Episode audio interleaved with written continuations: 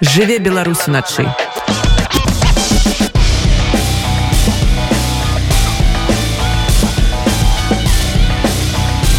беларускія ноцы ольга сямашкаля мікрафона дамініка борч за гукарэжысёрскім пультам добрага вечару мы кажам вам з вільні і варшавы.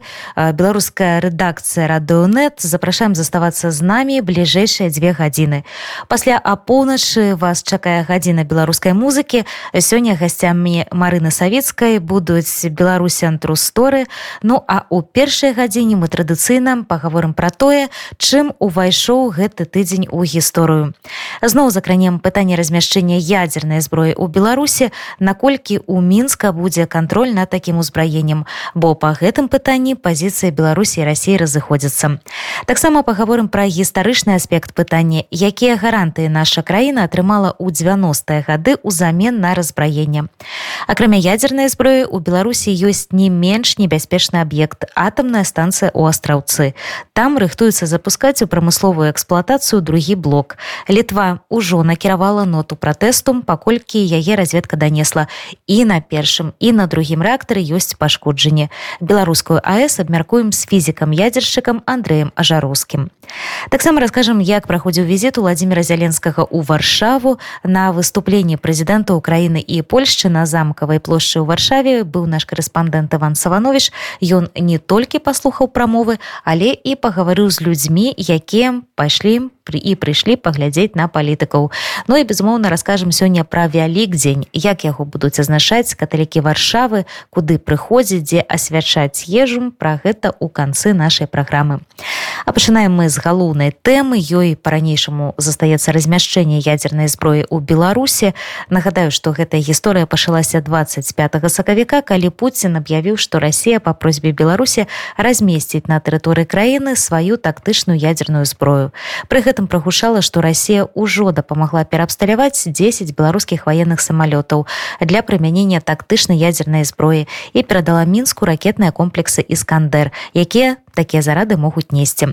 Прэзідэнт рассіі дадаў што на тэрыторыі беларусі да першага ліпеня будзе завершана будаўніцтва сховішча для тактычнай ядзернай зброі.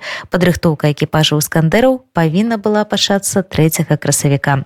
Па словах Пуціна Росія не перадае беларусі ядерную зброю а толькі размяшчае яе на тэрыторыі нашай краіны.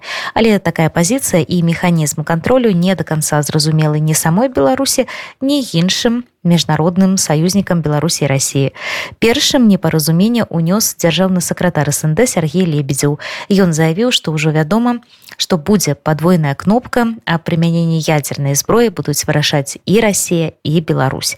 Пасля падчас паслання ў мінулую пятніцу сам лукашенко загаварыў што будзе кантраляваць ядерную зброю на тэрыторыі краіны Таму што гэта яго краіна і таму што ён кантралюе ўсё што там знаходзіцца тым больш зброю.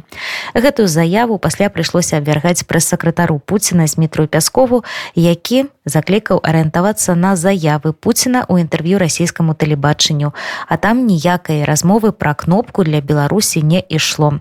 Не выключана, што Лукашэнку яшчэ раз патлумашылі сітуацыю падчас яго нядаўняга візіту ў рассію 5-6 красавіка. Ну і нарэшце важнае пытанне, якое мусіруе прапаганда, гэта вывад ядзернай зброі з Беларусі ў 90-е гады быццам бы захад парушыў абяцанні якія даваў беларусі у будапешскім мемарандуме як жа праходзілі гэтыя перамовы якія гарантыі тады атрымала Беларусь Андрусь гаёвы спытаў у колішняга кіраўніка дэлегацыі Рэспублікі Беларусь на перамовах аб ядзерным распраенні Андрэя санікова Ну, гэта было відавочна что калі у віскулях дэнасавалі дамову стварэнні Савецкого союза то ядерная зброя засталася на тэрыторыі незалежных республік у тым ліку Беларусі. Беларусі Украіны Казахстана если мы кажем про стратэгічную зброю то гэта былі вось Россия Беларусь Казахстан Украіна. Адразу спрабавалі і американцы і расіяне зрабіць так каб мы подпісалі ўсё далей дамаўляліся то бок такі план был я подкрэсліваю і у амерыканцаў і кремля. Мы подписываем пагадненні і контроль застаецца за Москвой але ж на нашай тэрыторыі была ядерная зброя там ўжо мы знішчылі гэтыя меншай адлегласці ракеты. А стратэгічна заставалось. Это были мобільныя тополя так званые. Ss25 по натовской классификации рс 12 м по советской классификации. Украины больше складана. У іх себе по-ангельску то бок межконтинентальные ракеты баллістычныя ракеты были у шахтах и там шмат было аб'ектаў вось якія датычыліся менавіта стратэгічных ядерных узбраенняў. Ну і мы тады пазіцыю занялі жорсткую што без нас нічога нельга вырашаць. Мы готовыя на перамовы. Па-першае мы хотели б ведаць на нашай тэрыторыі адбываецца. Мы ж нічога не ведалі. Гэта ўсё кантралявалася Москвой А по-другое мы хотели поведаць что якія наступствы будут вось гэтых дамоўленасцей як будзе знішацца хто будзе адказваць якія будут інспекцыі хто будзе ажыццяўляць контроль. Перамовы праходзілі ў Женеве тому что толькі там былі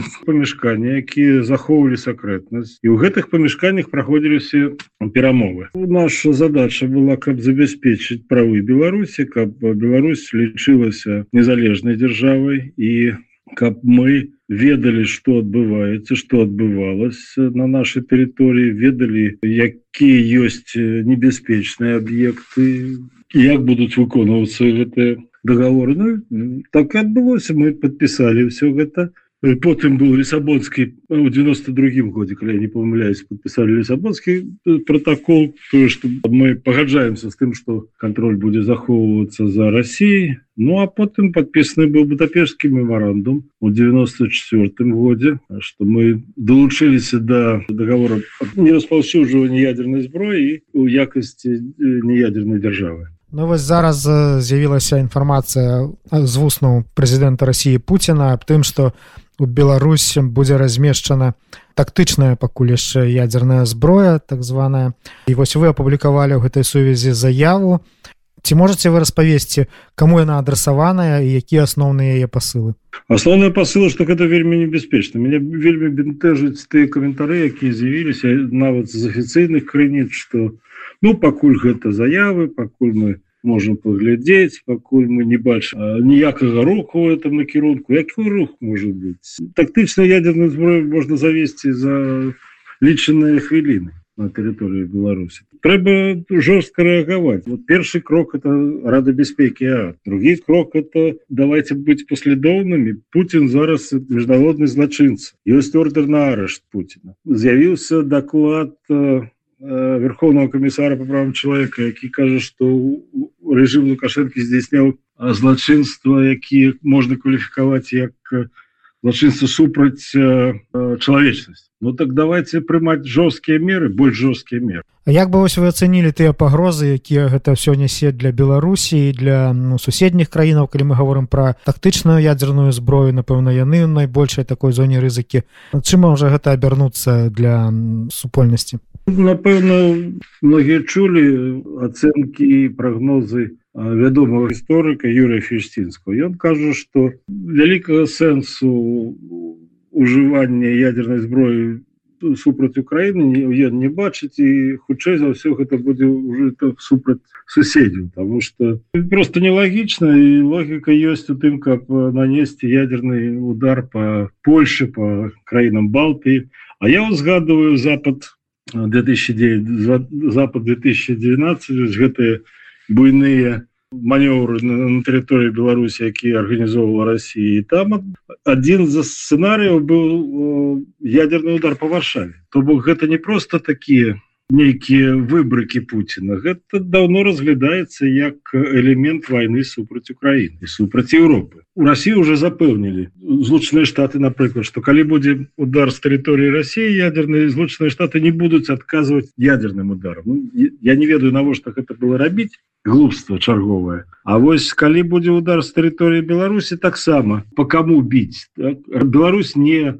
контролюе гэтую зброю а по России яны сказали что не будуць біць Вось заходзячы з гэтага ён кажа что імаверны будзе удары по по суседзям і по краінам еўразвязу для беларусі небяспека ў тым что калі мы вывели э, ядерную зброю то мы перестали быть э, об'ектам э, удараў отказ ядерного удару отказ. Про гэта увесь час сказал небольшых станіслав станіслав шушкевич які шмат зрабіў каб гэтая зброя там пакінула нашу тэрыторыю. Калі яна знаходзіцца на тэрыторыі калі зараз з'явіцца тактычная ядерная зброя то бок ну, просто вымушаны будуць краіны дзе ёсць ядерная зброя перед накіраваць свои ракеты на тэрыторыі беларусі. Час відавочна што час наколькі вось сапраўды э, мае рацыю то сцвярджэнне што Беларусь не будзе мець дачынення да кантролю гэтай ядерной зброі Ну пакуль не будзе нават ты самолеты якія там пераабсталявалі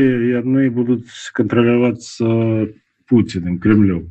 Тут у чым небяспеку у тым что ядерная тактычная ядерная зброя яна можа быть кантралявацца двумя ключамі вось тут я думаю что вось гэта, на, на гэта лукашенко будзе настойваць А что значит подвойны ключ? то то бок там узгадняюцца рашэнне по выкарыстанню ядерной зброі і кремлем і мінскам. А что гэта значит что у пэўны час гэты подвойны ключ можа быть одним ключом які будзе у лукашэнкі? То бок ну ситуация вельмі небяспечна пытанне вываду ядзернай зброі з тэрыторыі беларусі і цяперашняга аднаўлення беларусі ў статусе ядзернай дзяржавы абмеркавалі мы з палітыкам кіраўніком дэлегацыі беларусі на перамовах па ядзерным разбраенні андреем саннікавым а прадстаўнікі беларускай дыяспоры выйшлі другога красавіка да генеральнага консульства беларусі каб выказаць свой пратэст планам размяшчэння расійскай ядзернай зброі ў беларусі. Таксама было ўзгадана аб тысячах палітычных зняволеных рэпрэсаваных і десятках тысяч эмігрантаў мігрантаў якія пакінулі радзіму ратуючыся ад палітычнага пераследу з боку рэжыму лукашэнкі. Распавядае наш корэспандэнт у беластоку владимир лапцевич На мітынг супраць размяшчэння ядзернай зброі выйшлі некалькі десяткаў беларусаў. Усіх іх абінала абурэнне тым, як цяперашняя ўлада ў мінску нішыць незалежнасць уласнай краіны, робячы яе мішэнню магчымай ядзернай вайне нейкія абгрунтаванні завозу такой зброі з рассіі з боку лукашэнкаўскай улады выступаўшы вызначалі як вар'яцкую трызню выгадную крамлёўскім гаспадарам мінскага рэжыму. Сёння беларусы ў беларусі не могуць так як мы выходзіць на акцыі пратэста заявіў адкрываючы мітынг адзін з яго арганізатараў ян абадоўскі. Таму беларусы якія вымушаны былі з'ехаць тэрыторыі беларусі по ўсяму свету сёння выходзіць каб выказаць свой пратэст супраць размяшчэння ядер ядерной зброі на тэрыторыі беларусі самі ведаеце что сёння рэжым лукашэнкі з'яўляецца просто марыянеткай путина.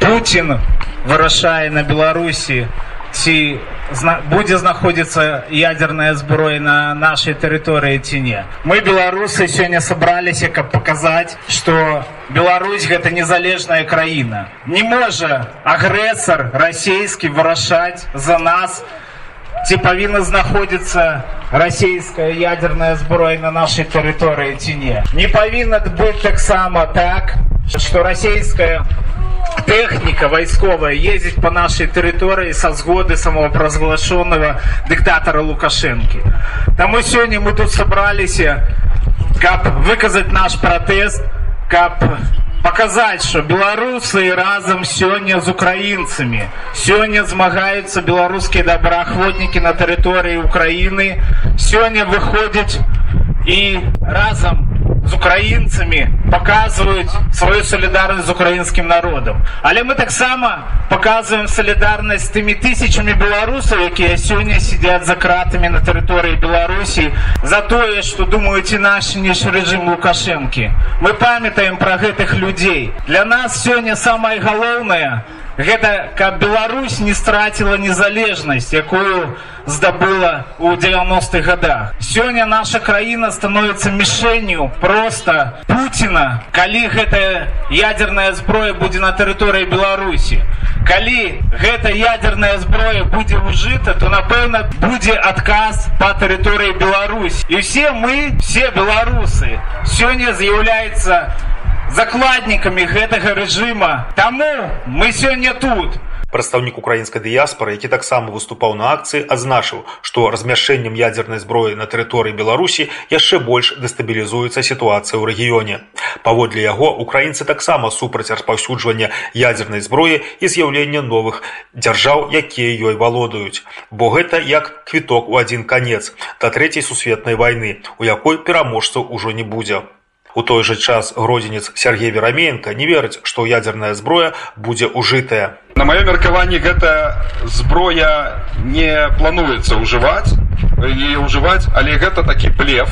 Путін гэта гопнік, гопнікі любяць блефаваць і падымаць стаўкі. Як мы ўжо ведаем, Кітай выказался супраць якого-небудзь размяшэння ядерной зброі. Таким чынам всероссийское хамло потрапіла у абсолютную залежнасць от Китая. Таким чынам Путин стался канчатковой марыянеткой Китая. А Лукашенко з'яўляецца марыянеткой марыянет. Яго вечная мара заиметь ядровую зброю выйшла ему боком. Ён думае, что ён стал от гэтага мацнейшы, але насамрэч ён толькі паслабіў і свае пазіцыі і таксама пазіцыі нашай беларускай дзяржавы. Бо ён заўсёды крычыць што ён кіраўнік дзяржавы. Ну калі ты кіраўнік дзяржавы то трэба мысліць дзяржаўнымі маштабамі а не сваімі асабістымі. Лукашенко ўзяў закладнікі усіх тых людзей которые зараз знаходзяцца ў беларусі. Лукашенко ўзяў закладнікі таксама і еўропу чарговы раз дазволіўшы размесціць ядравую зброю на тэрыторыі беларусі. Зразумела што ў іх няма плана выкарыстоўваць ядравую зброю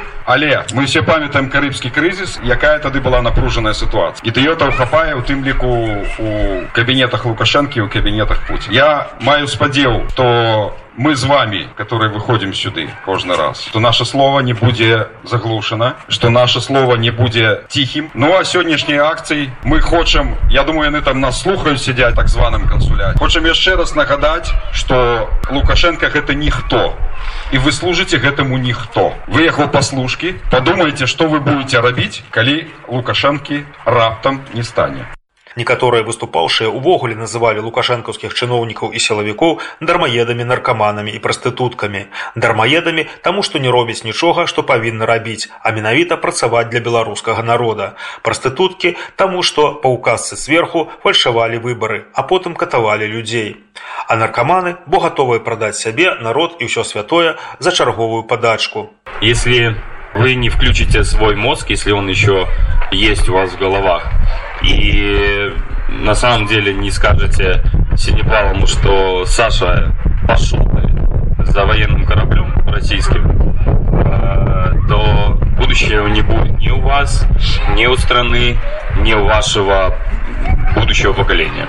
Нягледзячы на стомленасць, магчыма апатыю вельмі важна выходзіць на падобныя акцыі, заявіла закрываючы мітынг актывістка дыяспары Кацярына Дзерман Ведаю что усе стаміліся усе мы живвем уже ў стане такой ну, не ведаю расшыравання можа апатыі у нас няма сілаў але ведаеце вось недавно было свята правда дзень волі гэта вельмі важна для нас свята і калі рэч э, гаворка вядзецца пра незалежнасць а вось наступным тыдні мы даведваемся аб том что тут і ўжо і ядерную зброю хочуць размяшчаць у нашай краіне гэта гэта і незалежнасць разам недзе не стаіць зусім тому что чужая ядерная зброя на тэрыторыі нашай краіны краіны гэта зусім не незалежнасць і не гледзячы на тое што мы ўжо усе стаміліся і можа няма такога імпэту каб прыходзіць на нейкія акцыі каб нешта казаць але вось паглядзіце які быў вялікі марш у варшаве напрыклад на э, дзень волі у беластоку. І мне падаецца што гэта важна прыходзіць казаць заяўляць пра сябе і заяўляць што мы супраць вось таго што адбываецца.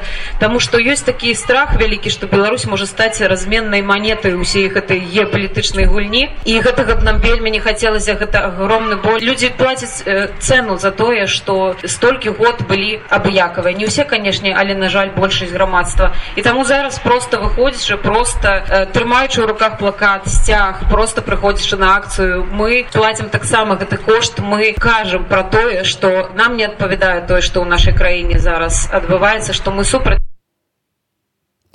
акрамя ядернай зброі ў беларусі ёсць яшчэ і атамная станцыя якая вельмі непакой суседзяў. Дзярж атамнагляд выдаў дазвол на пачатак энергетычнага пуску на другім блоку белаэс. А гэта дае магчымасць паступаць пачынаць паступова ўздым магутнасці другога рэактара до 40 процентаў ад наміналу. Пасля гэтага энергаблок подключаць да сеткі і ён пачне выдаваць першую электраэнергію ў адзіную энергасістэму краіны.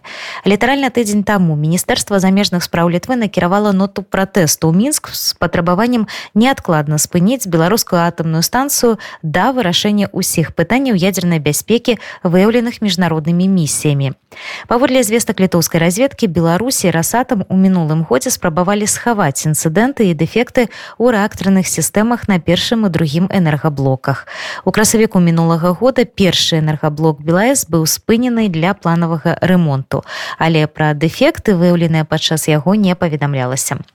Апошнім навінам з белаэс былі прысвечаны лекцыі ў вільні расійскага фізіка атамшчыка андрэя ажарускага мы таксама пагаварылі з навукоўцам пра атамную станцыю ў астраўцы але нашу размову пачалі з размяшчэння ядзернай зброі на тэрыторыі беларусі Ну, вопрос не ко мне, потому что это к военным экспертам. Насколько я знаю, то, что, то, что называется ядерным оружием, высокомобильная вещь, может быть расположена где угодно. Я расцениваю вот этот жест российских властей просто как демонстрационный, который просто демонстрирует, что Беларусь не является в полной степени независимым государством. Это никого не напугает, потому что мир готов к тому, что ядерное оружие России, возможно, есть в Калининградской области.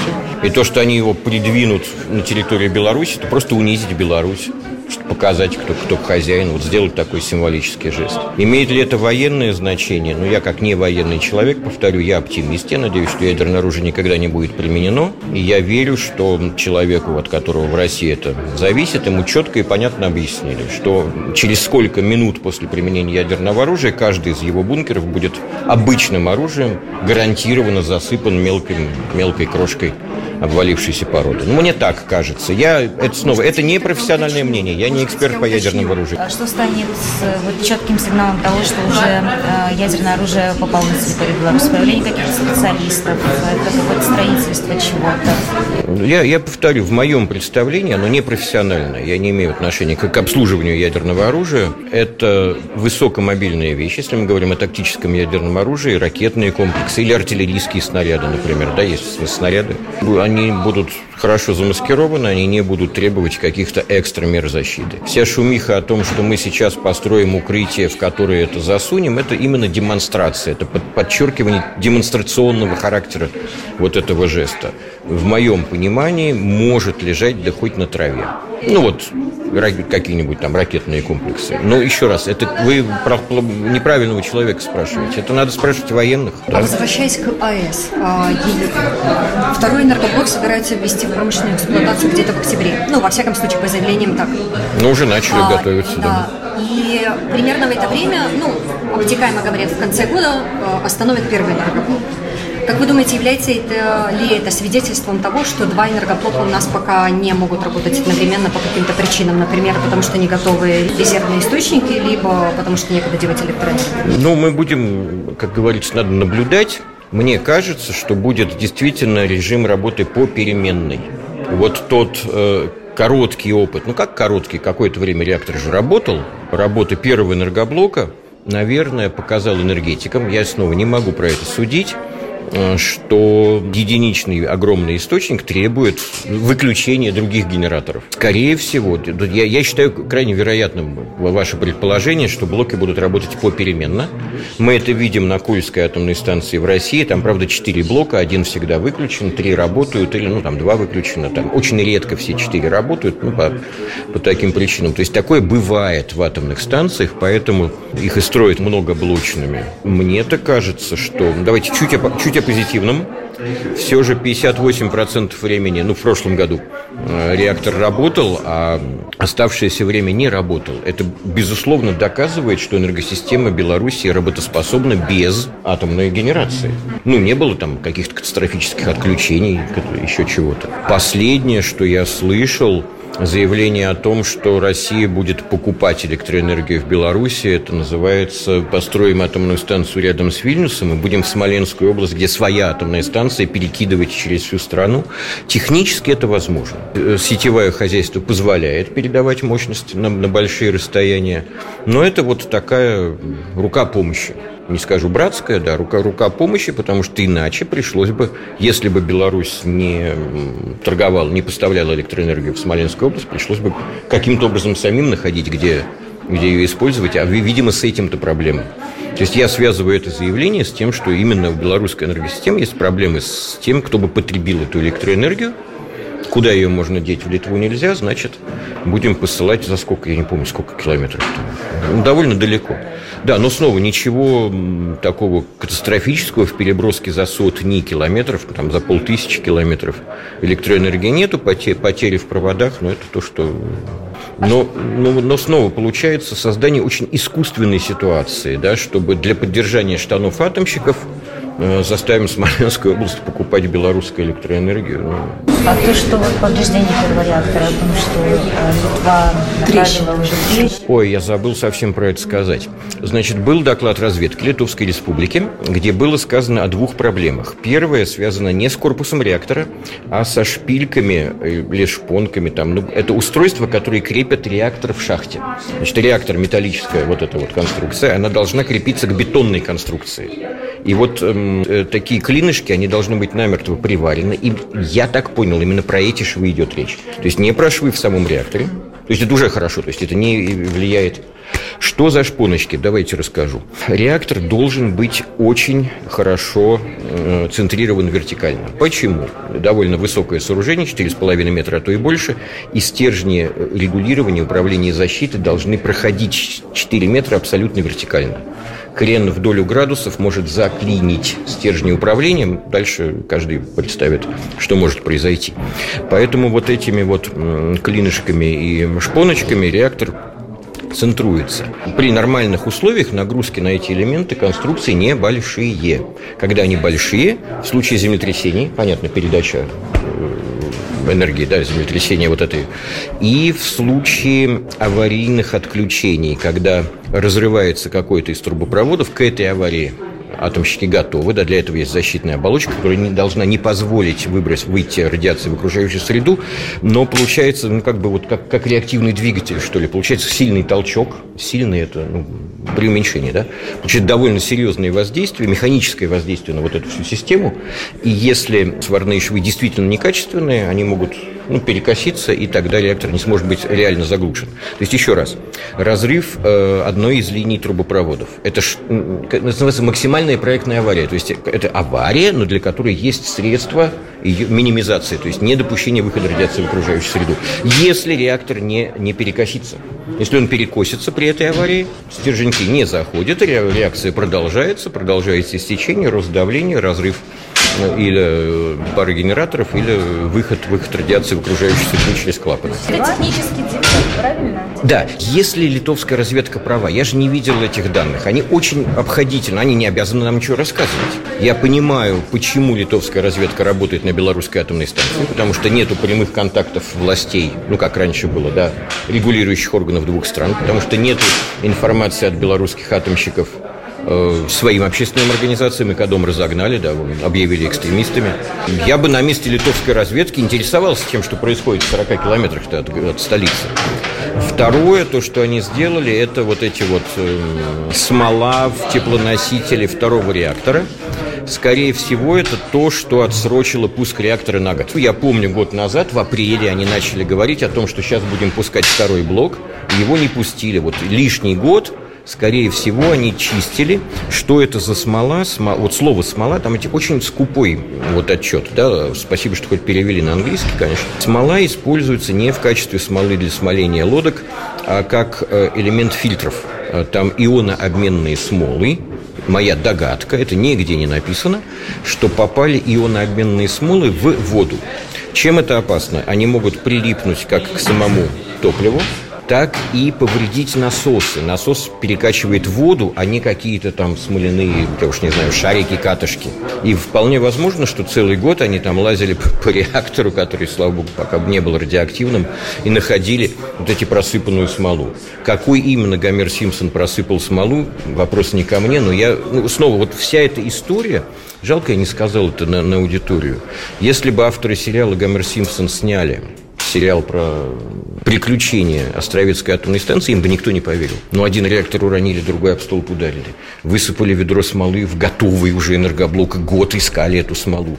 Шпонки приварили криво, так что там качество швов не очень хорошее. Вот это все смешно, когда это мультфильм. А это наша, наша с вами реальность. Мне кажется, что действительно вот опасность этого объекта серьезно возросла примерно сегодня, да, когда они объявили о том, что начинается рост мощности, чем, чем больше мощности, тем, тем больше проблем. Узнаю стиль Росатома. Они же отрицали то, что упал реактор. Потом они отрицали, что он упал и повредился. Да, они там врали, что он там мягко сполз, и он не поврежден. То есть я совершенно спок спокойно да, считаю, что то, что атомщики умеют врать и скрывать, для меня не является чем-то новым. Я абсолютно вот понимаю такую ситуацию. Я, я не думаю, что это какое-то что-то необычное.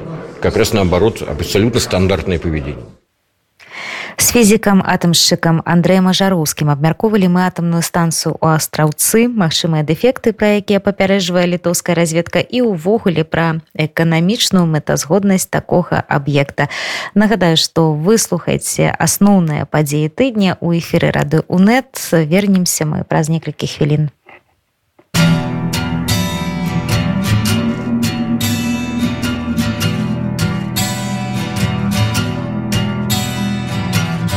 Пройду няўхільна цяжкі шлях войны мярзотнай і крывавай на наших волатных пляжах. Уздымем сцяг шляхетнай славы. Як каліноўскі наш кастусь. Мне прыклад так і лёс ліцвіна я вызваляю Беларусь. Праз вызваленне Украіны як тур клянуся бараніць У пекле бітвы пабраціма наш гонар вечна будзе жыць У памяці маёй радзімы абавязкова павярнусь калі ў бітвах не загіну у родны край у Беларусь. Праз вызваленне Украіны у родны край у Беларусь. Праз вызваленне Украіны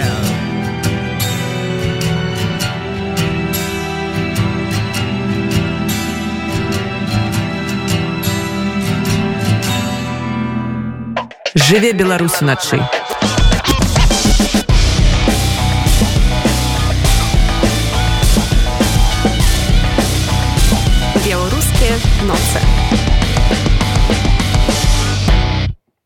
ольга сямашкалі мікрафона. Нагадаю што вы на беларускай хвалі рады унет і літаральна яшчэ паўгадзінкі. Мы будзем падводзіць вынікі гэтага тыдня. Нагадаю што расказваем мы чым запомніўся гэты тыдзень у падзеях фактах каментарыях а таксама як ён выглядаў вачыма наших корэспандэнтаў і юрыстыльскі толькі што спяваў на нашай хвалі пра украіну.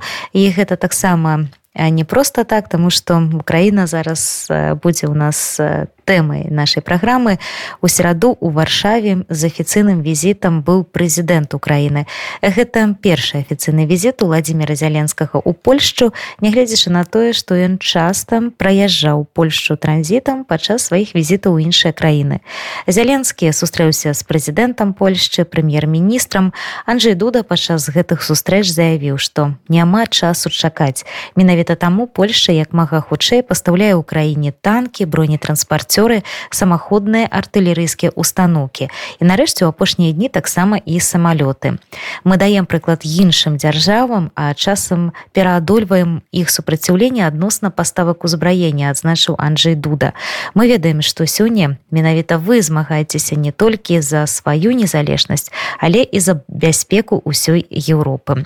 Паводле слоў прэзідэнта Польшчы ва Украіне Владзімир Пуін не дасягнуў ніводнай са сваіх стратэгічных мэт а расіяне панеслі велізарныя страты. Прэм'ер Польшы Матэуш маравецкі ў сваю чаргу на сумесным брыфінгу зяленскім заявіў што вайна рассіі супраць Украіны гэта пачатак канца краіны агрэсара. Канец яе імперыялізму каланіялізму а таксама пачатак новай Еўропы. Увечары прэзідэнты Польшчы і Украіны выступілі перад людзьмі на замкавай плошчы. Іван Саванович прысутнічаў на гэтай падзеі. Афіцыйную частку візіту Владзіміра Зяленскага ў Польшчу завяршала сумесная прамова з прэзідэнтам Польшчы Анджеем Дудай на замкавай плошчы ў варшаве. Гэтае мерапрыемства сабрала тысячы чалавек у асноўным украінцаў, якія вымушаныя зараз жыць у эміграцыі. І паколькі асноўная павестка візіту зяленскага ў Польшчу была добра зразумелая загадзя, людзі прыйшлі ў асноўным проста, каб выказаць падтрымку лідару ўкраіну, а таксама паўдзельнічаць у гэтай гістарычнай падзеі спадар Андрэй прыехаў у Польшчу з Кіева. Ён адзначае што перадача першых чатырох знішчальнікаў у краіне з'яўляецца важным сімвалам падтрымкі якая працягваецца а таксама дае высокую ацэнку дзеянням прэзідэнта зяленскага па выніках першага года войны ну, во-первых было бы интересно э, послушать что скажет украинский президент в первую очередь. Как он прокомментирует э, свой первый официальный визит в Варшаву. И это очень интересно. Ну, мы же понимаем, что четыре истребителя вряд ли что-нибудь изменит на э, фронте, но мы понимаем, что это, это передача, это символ того, что э, Украина не одна в этой войне. И это больше политический шаг. Конечно, мы ожидаем, что что-то произойдет, но что это? вопрос для военных, наверное. Это нужно сослаться на э, заявление самого Зеленского о том, что он, а, он менеджер этой войны. И поэтому надо сказать, что э, то, что как он, то, как он отменеджировал этот э, э, сценарий, это, это, это колоссальный прорыв. В первую очередь для него как личности, э, это понятно. И второе, то, что э, его несомненная заслуга заключается в том, что он объединил э, все, весь Запад, он просто сцементировал эти все усилия. Да, он просто молодец. На пачатку сваёй прамовы прэзідэнт Польшчы Анджей Дуда прыгадаў словы зяленскага напярэдадні пачатку вайны. Тады зяленскі сказаў, што магчыма бачыць прэзідэнта Польшчы ў апошні раз. Праз год ужо ў варшаве Владзімир Зяленскі падзякаваў Польшчы за дапамогу і адзначыў, што ўкраінскія і польскія народы і надалей будуць стаяць разам на абароне сваіх ідэалаў. Палякі, якія сабраліся на мерапрыемстве згодныя з гэтай думкай і спадзяюцца, што старыя крыўды будуць забытыя і абедзве краіны згуртуюцца перад агульным ворагам. Ворог хотів поховати нашу з вами незалежність та розчинити в російському просторі наші національні культури, а ми стоїмо міцно. Ми з вами, українці і поляки, разом пліч-опліч. Повернемо все це зло епітафією російському імперіалізму. Znaczy myślę, że to jest na pewno historyczny moment, że prezydent Ukrainy przyjechał do Polski. No i myślę, się taka stara prawda, że nic, je, nic nie jednoczy tak jak wspólny wróg. Niestety, taka jest ludzka natura. No w tej chwili Ukraina i Polska mają wspólnego wroga. Nie da się ukryć. Historia między naszymi narodami była skomplikowana i mam nadzieję, że te zatargi, które były, że to jakoś pójdzie w niepamięć i będziemy przynajmniej z Ukrainą żyli w pokoju, jeżeli ze wszystkimi narodami się tak nie da. Асноўнай жа мэтай прыезду прэзідэнта ўкраіны ў Польшчу была далейшая ваенная падтрымка ўкраіны. Па выніках сустрэч былі дасягнутыя дамоўленасці па новым пакеце дапамогі. Гэтую тэму Владзімир Зяленскі падняў і падчас сваёй прамовы. Людзі, якія сабраліся на гэтым мерапрыемстве, як палякі, так і ўкраінцы таксама лічаць, што цяперашняй дапамогі недастаткова, каб перамагчы ў вайне і падтрымка ўкраіны павінна павялічыцца. Мы з тобою Польша пліч опліч. Утвердимо свободу в Європі назавжди. Тиранія програє в історії, коли програє в Україні. Москва не вбиватиме, а Петербург не ділитиме більше ніколи. На цій славетній площі та на будь-якій іншій польській площі, так само як і на всіх українських майданах, більше ніколи не буде Росії після нашої перемоги. Чи багато ще треба кроків до неї? Ні. Треба лише не зупинятися у солідарності. Коли битва вимагає артилерії, її варто надавати. Коли перемога потребує танків, їхній гуркіт має зазвучати на передовій. Коли незалежність потребує повітря, не треба звертати увагу, як відреагують в Росії на літаки у нас. Не варто гадати, яке число виглядатиме безпечніше поруч із літерою F 16 чи якесь інше. Варто діяти. Підтримка все ж таки е, зі сторони президента, зі сторони польської. Ми е, почули те, що ми хотіли почути. Е, можливо, при прискорення воєнної допомоги буде завдяки його приїзду. Ну мабуть, це найголовніше зараз питання стоїть, тому що того нам недостатньо зараз. Ні зброї, ні танків. Ну то я так сподіваюся, що це буде пришвидшений темп. Ну я сподіваюся, що це буде більш як, jakby do, do przewyższonego tempu. Myślę, że trzeba więcej. Myślę, że tej pomocy jest za mało i najgorsze, żeby, żebyśmy mm, nie zaczęli się przyzwyczajać do tej wojny, żeby po prostu, e, no bo to będzie najgorsze, tak? Przyzwyczajenie się i traktowanie i po prostu jako coś e, codziennego. Myślę, że jest, jest za mało i trzeba jeszcze więcej. Musimy cały czas, zresztą my, ja osobiście też się w to angażuję, zbieramy e, pieniądze, zbieramy różne rzeczy i cały czas pomagamy. Узгадаў прэзідэнт Украіны і пра Беларусь. Ён выказаў упэўненасць у тым, што толькі разам свабодныя краіны могуць быць мацнейшымі і што свабода вернецца і ў нашу краіну. Коли у Варшаві нещодавно виступав наш з вами союзник, потужний союзник свободи, президент Байден він сказав: немає солодшого слова, ніж свобода, немає шляхетнішої мети, ніж свобода, немає вищого прагнення, ніж свобода.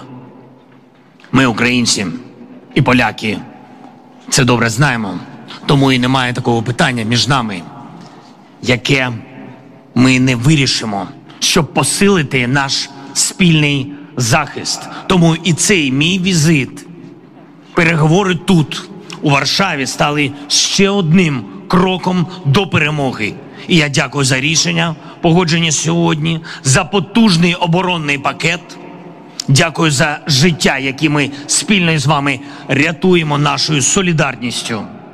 Дорогі польські народи, я певен, ти знаєш, що солідарність охоплює зараз значно більше, ніж долю наших двох народів. Коли ми із вами вільні, це гарантія, що свобода буде міцною в усіх наших країнах, сусідах, сусідах в Євросоюзі, Румунія і Словаччина, Литва та інші країни Балтії всі сильніше, коли ми вільні. Коли ми вільні, це гарантія, що свобода вистоїть в Молдові, не полишить Грузії і прийде, обов'язково прийде в Білорусь. Людзі, якія сабраліся на мерапрыемстве, таксама выказалі падтрымку беларускаму народу. To znaczy ja w ogóle jestem, y, jestem z Bydgoszczy, jestem związany z y, diasporą ukraińską w Polsce, także no dla mnie jest to, dzisiejsze wydarzenie jest, jest y, bardzo ważnym wydarzeniem.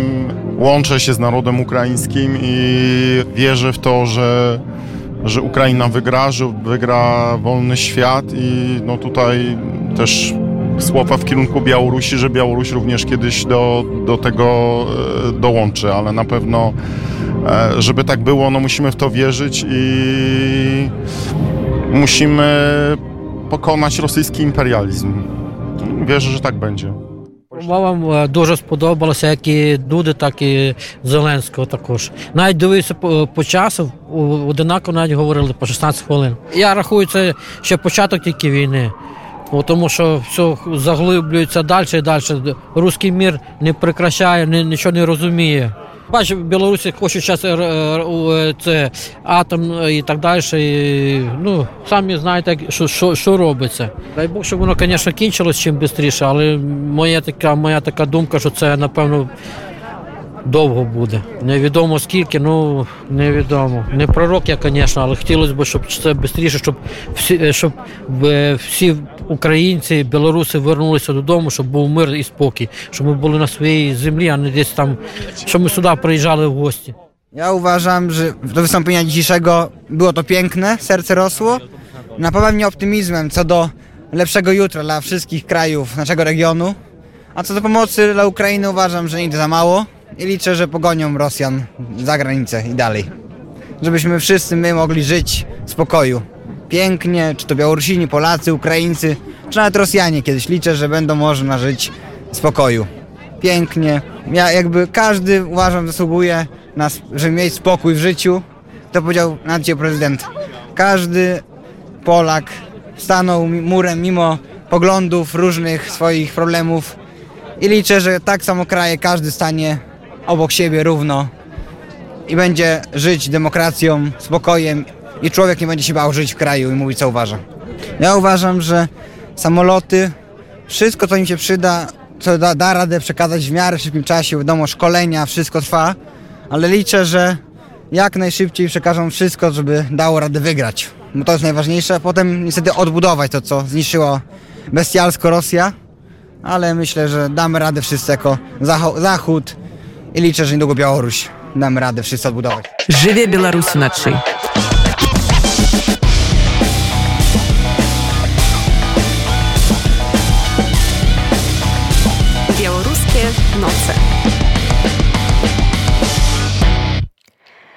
Каталіцкія вернікі ўсяго свету рыхтуюцца да самай вялікай хрысціянскай урачыстасці да уваскрэсення Христова. А у беларускіх каталікоў варшавы ізноў будзе магчымасць асвяткаваць вялікдзень у коле сваіх суайчыннікаў у касцёле святого Александра праходзіць святы пасхальны трыдуум пра асаблівыя цэлебрацыі на якіх будуць узгадваць укрыжаванне пахаванне і уваскрэсення Хрыста моя калега Алена крамко паразмаўляла з прадстаўнікамі рады супольнасці беларусаў каталікоў у варшаве гэта лілія еўтух і Арцём ткачук Чым ёсць гэтае свята для вернікаў? Ці можна сказаць што вялікдзень або паска гэта самая вялікая хрысціянская ўрачыстасць? Ну так гэта самая вялікая хрысціянская урачыстасць яна літургічна лічыцца.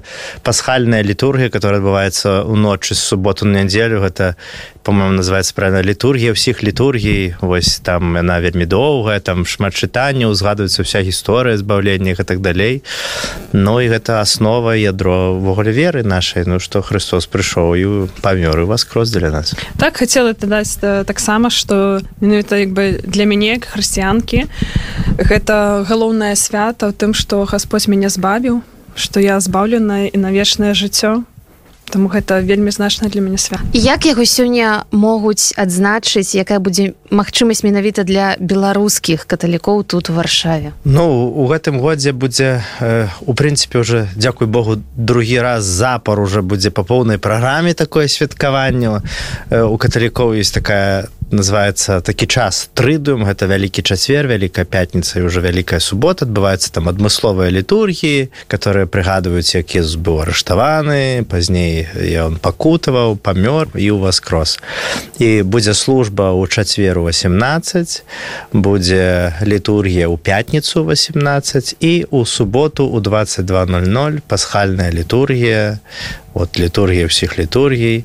І ў нядзельку уже на сам вялікдзень як звычайна службы 11:30 і 18 а ў гэтым годзе у нас пасля службы пасхальнай на 11:30 у нядзельку будзе штосьці новенькае можа лілі давайце же Ну так мы такую арганізуем сустрэчу такі святочны абед супольнай супольнасці нашай.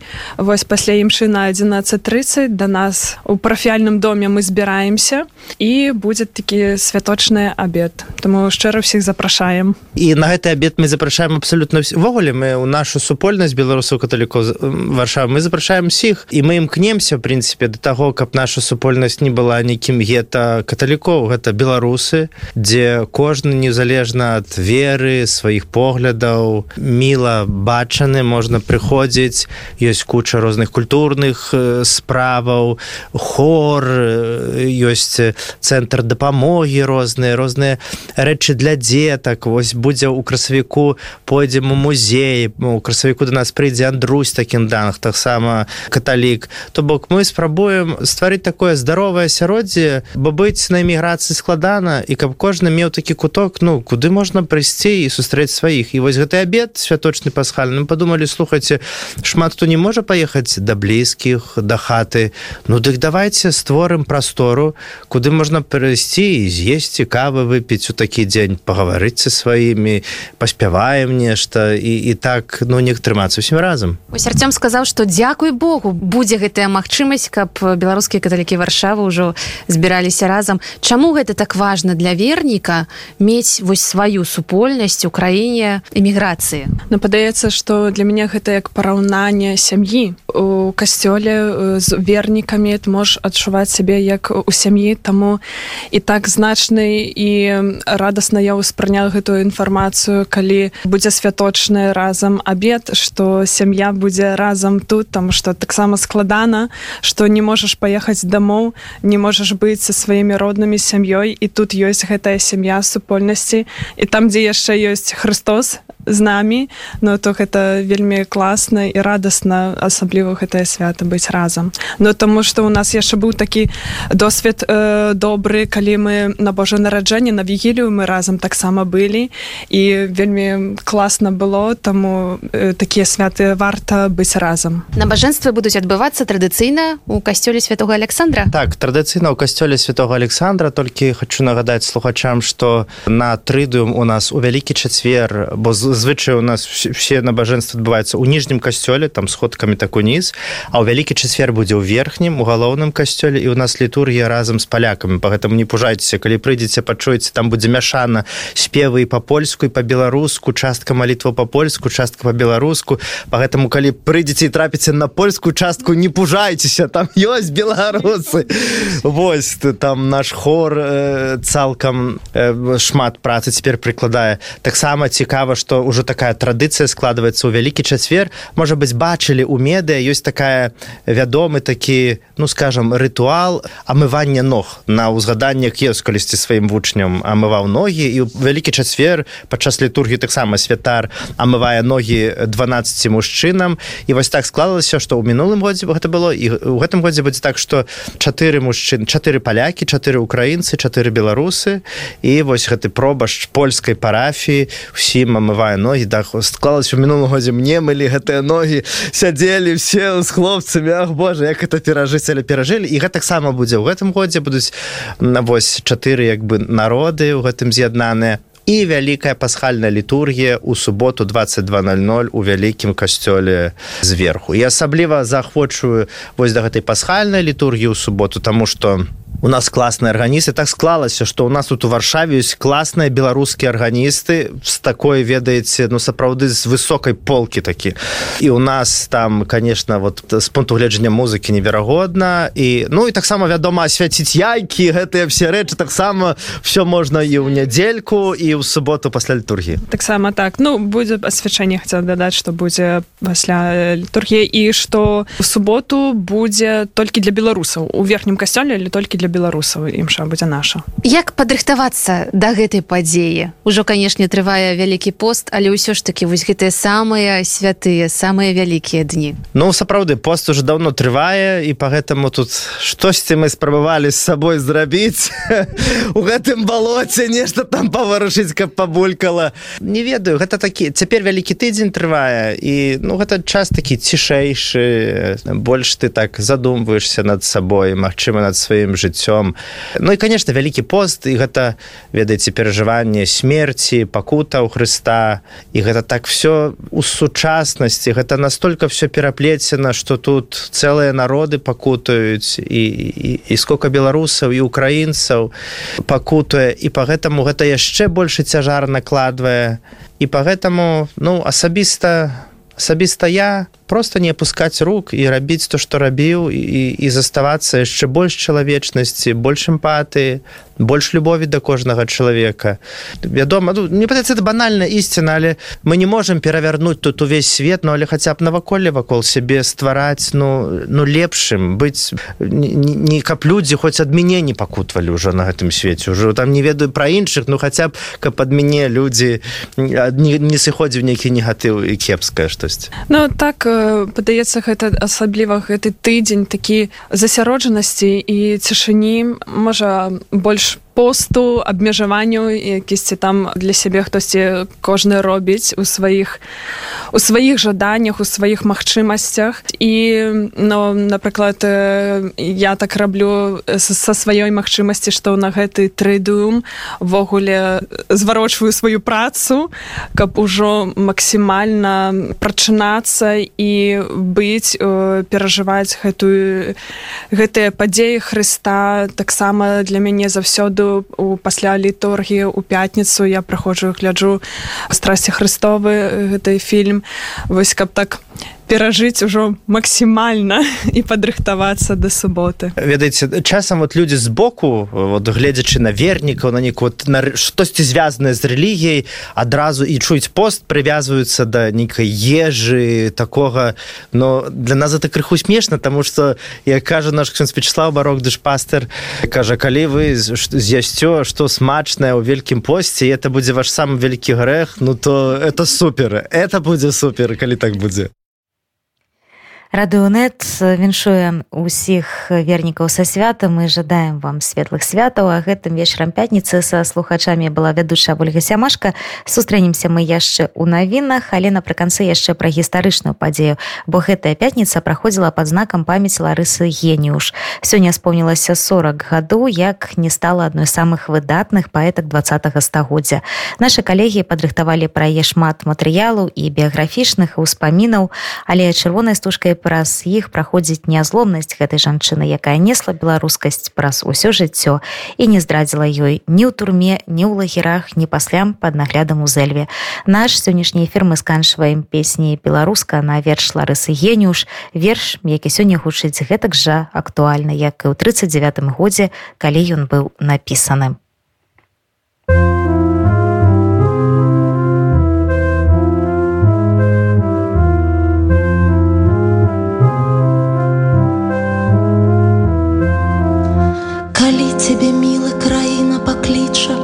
за родны змагацца парог. То суму не будзе ў мяне на аблічы і страху не будзе ў грудзёг дзявочае сэрца ў хвіліне так важны ад жаху мацней не заб'е. А буду не менш за цябе і адважнай каб сілы дадаць і табе. то